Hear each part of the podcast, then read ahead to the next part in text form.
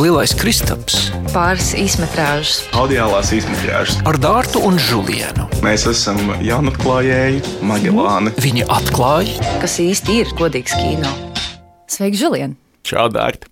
Es ļoti vēlētos ar tevi turpinot vētīt Lielā Kristapa nominantu klāstu, parunāt, manuprāt, par um, ne tikai dokumentālajām filmām, gan filmatrāžām, gan īsmetrāžām, bet arī aplūkot tādu fenomenu, kas ir šī dokumentalitāte Latvijas kino ainavā. Faktiski gada nogriezienī, kas izpaužas, manuprāt, gan spilgti, gan filmatrāžu spēlfilmās, Jā, gan arī, protams, izfilmās, bet arī laikmeta cilvēku vai jebkāda veida etnogrāfiskie vai jebkāda veida arī motīvi, atmiņas, kurām ir ļoti tieši sasaiste ar mūsu dzīvi, ar uh, mūsu kultūru un mūsu valsti, kas arī parādās un caurvīs šajos darbos. Vai Jā. tu esi gatavs parunāt? Jā, es esmu. Kas ir interesanti, protams, šī tēma ir eh, krietni plašāka par tām divām nominācijām, kurās mēs būtu gaidījuši teiksim, šādu te izvērtējumu. Klausītājiem atgādinu, ka labākās filmas dokumentālās filmas godam ir nominētas filmas Baks pret Covid, režisors Ivars Viedris, Hekabas jautājums, režisori Pēters Krilovs un Iveta Budrēviča, Mana māte valsts, režisori Ieva Ozoliņa, svārstības režisori Kristīna Brieda un zemnieka režisors Ivars Saleckis. Tāpat arī ir piecas filmas, kas ir labākās īsmetrāžas dokumentālās filmas kategorijā, bet tam mēs pieskarsimies mazliet vēlāk. Pārskatot eh, kategoriju klāstu, jāpildina ir tas, ka ir arī nominācijas labākās dokumentālās filmas režisors, tāpat arī labākais dokumentālās filmas operators. Un līdzās tam, protams, jau arī šī te dokumentālitāte, kas cauri gan arī animāciju un spēļu filmas, kas līdz ar to iezīmē mūsu lielo problemātisko jautājumu, no kurienes sākt šo sarunu. Cik interesanti, kāda tad ir šī dokumentālā animācija? Varbūt mēs varam mazliet pieskarties šim. Mēģinot arī varbūt skatītājiem ieskicēt, ko tad īsti arī nozīmē šī te dokumentālitāte, tad, eh, piemēram, domājot par Signas Baumanas mans laulību projekts piemēru, kurā caur šīs galvenās varonas zelmas, arī šīs animētās sievietes, kas uzauga Padomi Savienībā un Jā. nonāk arī atjaunotās Latvijas arī šajos pirmajos arī gados. Tiecoties un neirobioloģiski arī skaidrojot romantiskās attiecības, tad šajā gadījumā ir gana daudz arī Signas Baumanas pašas piedzīvotā. Viņas pašas tāda, varētu teikt, tāda iekšupvērsta retrospekcija, gan tādās emocionalitātes, gan arī pieredžu, gan arī laika zīmju arī kontekstā. Un šeit, manuprāt, mēs tiešām mērā varam runāt par dokumentalitāti. Autobiogrāfiskais pavadiens parādās ne tikai šajā dokumentālajā animācijas filmā, bet arī vienā no filmām, kas ir filmas spēļu filmu. Nominācijā turklāt ir viena no skatītākajām pašmāju filmām pagājušajā gadā. Runa ir par Viestra Kairišu janvāri. Kopvērtējumā pagājušā gada skatītāko filmu top desmitniekā šī faktiski jā, ir skatītākā Latvijas filma. Jā, Tā ir ierindojusies desmitajā vietā. Un te mēs arī varam runāt par ā, dokumentalitāti, neskatoties to, ka tā ir ā, aktieru filma. Tajā ir ā, faktiski rekonstruēts laiks, bet ir gan daudz personīgo, individuālo atmiņu līmeņi, domājot ā, par paša režisoru Viesturu Kairišu arī piedzīvoto 91. gadā un janvārī. Un tad viņa paša arī kā mākslinieka ir izaugsmes ceļš, kam līdzās, protams, ir šis valsts, arī pārbūves process visnotaļ smags un arī trauksmains. Filma arī savā ziņā integrē arī arhīvu materiālu, tieši pieminot arī notikumus arī Bastēkalnā. man šķiet, ka daudzi skatītāji iespējams pirmajā skatīšanās reizē, vai ja viņiem nav bijusi iespēja teiksim, šo filmu redzēt uz lielā ekrāna, bet gan uz kāda mazāka, varbūt pat nemana to, cik meistarīgi šajā filmā ir šī fikcija ar dokumentāliem kadriem savīti kopā. Jā, jā, un to var papildināt arī tādā mērā, kā piemēram Vojteks Sarons. Filmas operators kopā ar ā, režisoru Viesturu Kairišu ir izvēlējušies veidot laika faktūru. Izvēlēties noteikta veida arī šīs dažādas arī kameras, protams, arī izvēlēties šo video arī formātu, kas atbilst tā laika arī kino prakses arī iespējām, kas uzreiz ir atkal kaut kāda laikmeta zīme vai kaut kāda arī šī laika tāds pieraksts vai notācija kur mēs varam jā, runāt par dokumentalitāti. Bet, ja tu neiebilst, mēs varam piesviesties nedaudz tādiem nesenākiem kolektīviem pārdzīvojumiem, proti, par pandēmiju, kas man šķita interesanti. Pārskatot nominētās dokumentālās, filmas un īsmetrāžas parādās arī pandēmijas motīvi. Tam vajadzēja notikt agrāk vai vēlāk, un laikam ir skaisti, ka mēs par to spējam kontemplēt ar ekrānu valodu jau tagad. Proti, klausītājiem runa ir par filmu Baks pret Covid kuras režisors ir Ivars Zviedris. Filmā tiek dokumentēts laika nogrieznis laikā, kuru es nezinu, kā tu dārtu, bet skatoties filmu, es tā sāku saprast, ka jau esmu pamanījies lielā mērā izslēgt no savas atmiņas kā kaut kāda traumatiska notikuma. Bet uh, filma uz to skatās ļoti nekautrīgi un izvēlas arī tiešām aizkustinošu lirisko varoni, kas mūs pavisam netālu no vietas, kur mēs esam pašlaik, no Latvijas radio mājas, tātad izved cauri šim diezgan tumšiem laikam. Pašā arī tevis pieminētajā filmā Baks, bet Covid, kur, protams, ir galvenais varonis šis ielu muzikants arī Normunds, kurš pandēmijas laikā arī piesaka, arī tagad vecīt ir tukšums, pilnīgs tukšums, garīgais tūkstnesis, kas arī Jā. tāda savā ziņā tāds laika pieraksts. Faktiski uzrādot, manuprāt, arī kino mēdīja, arī viena no funkcijām mēs kaut kā strukturējam savu atmiņu, savu laiku, savus līdzcilvēkus. Gada novērojumi Latvijas kinotelpā. Dokumentālās filmas Es personīgi gribētu vēl izcelt 81 metrus. Jāņa Ābels īsmetrāža, kur viņš ir arī pats pieteicis kā tādu cinefīlijas, jeb tādas kinomīlestības aktu. Viņa kā kinoskatītāja un režisora šis lielais Odisejas ceļš cauri Latvijas kinoteātru vēsturē situācijā, kad ir pandēmija un filma nesāks, un filma nevar sākties. Ir kaut kas ļoti savāds par filmu 81 metrus ņemot vērā to, ka jā, kadri, kurus mēs redzam, ir dokumentāli pēc savas būtības, taču tos pavada paša autora narratīvs un būtībā atmiņu stāstījums par viņa pieredzēm ar kino un kino mīlestību kā tādu.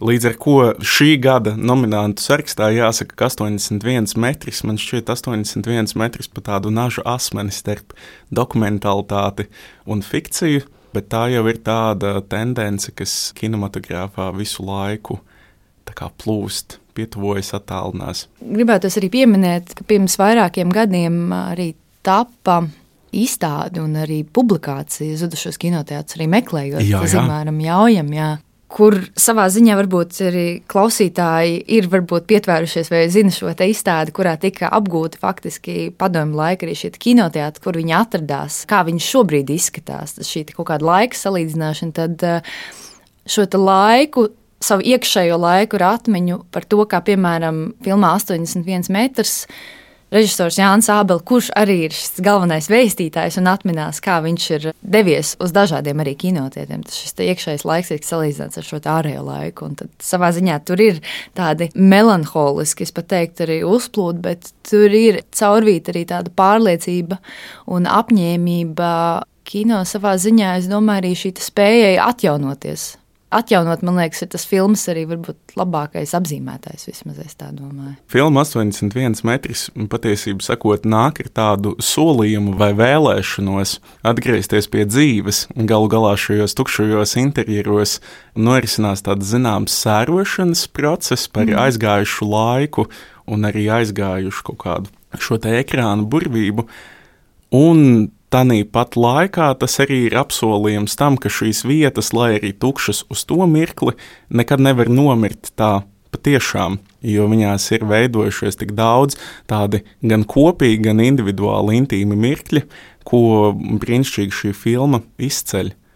Bet runājot par šo dokumentālitātes un personīgo narratīvu vai fikcijas mm -hmm. saplūsmi, būtu interesanti aprunāties arī par daudzsēriju mākslas filmām, kurām ir pašām sava kategorija.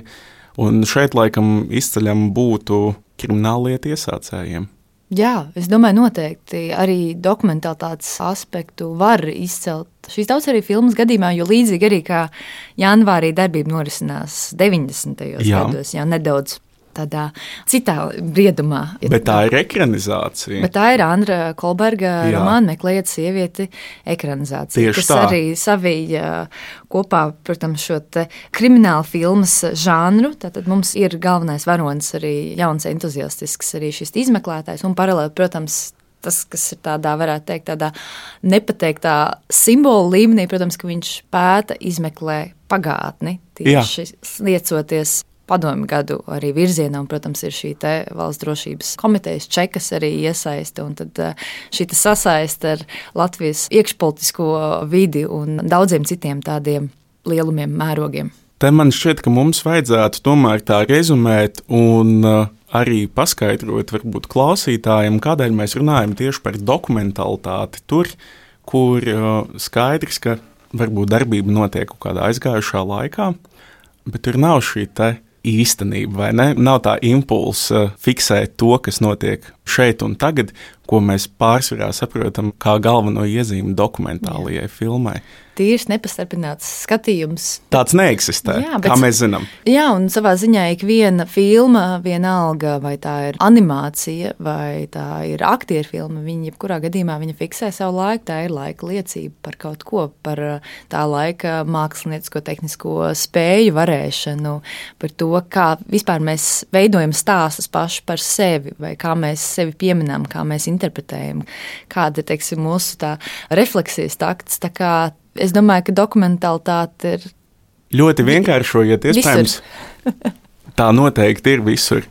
papildinot eh, to, ko tu iepriekš arī minēji, un mēs, protams, arī runājam par šo pandēmijas arī laika nospiedumu Latvijas kinopraksēs, es arī gribētu izcelt Lailas pakalniņas mājas.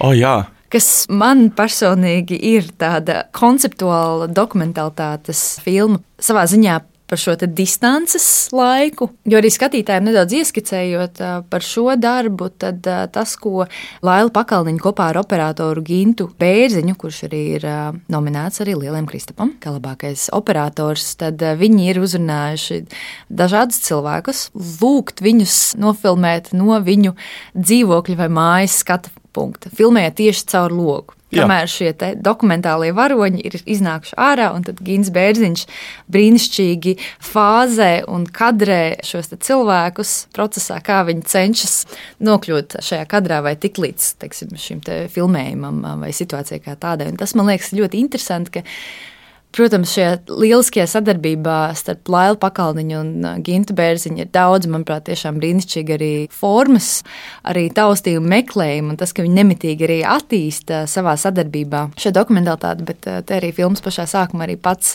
arī operators ir klātesošs. Tad tā ir arī tiešā mērā arī šī operatora filma, kurā viņš un viņa kamera kļūst par galveno varoni, un kur viņš lūdz arī visus šos mikrofonus vai, vai rācijas arī apslēpt, kas ir jādara, sniedz instrukciju arī cilvēkiem, kā būt kadrā, kā filmēties, ko nozīmē. Un tad atkal šī tā savā ziņā tāda absurdā, šī te apcvešanājuma situācija, ka vienkārši skatītājs tīri vēro to, kā cilvēkus filmē.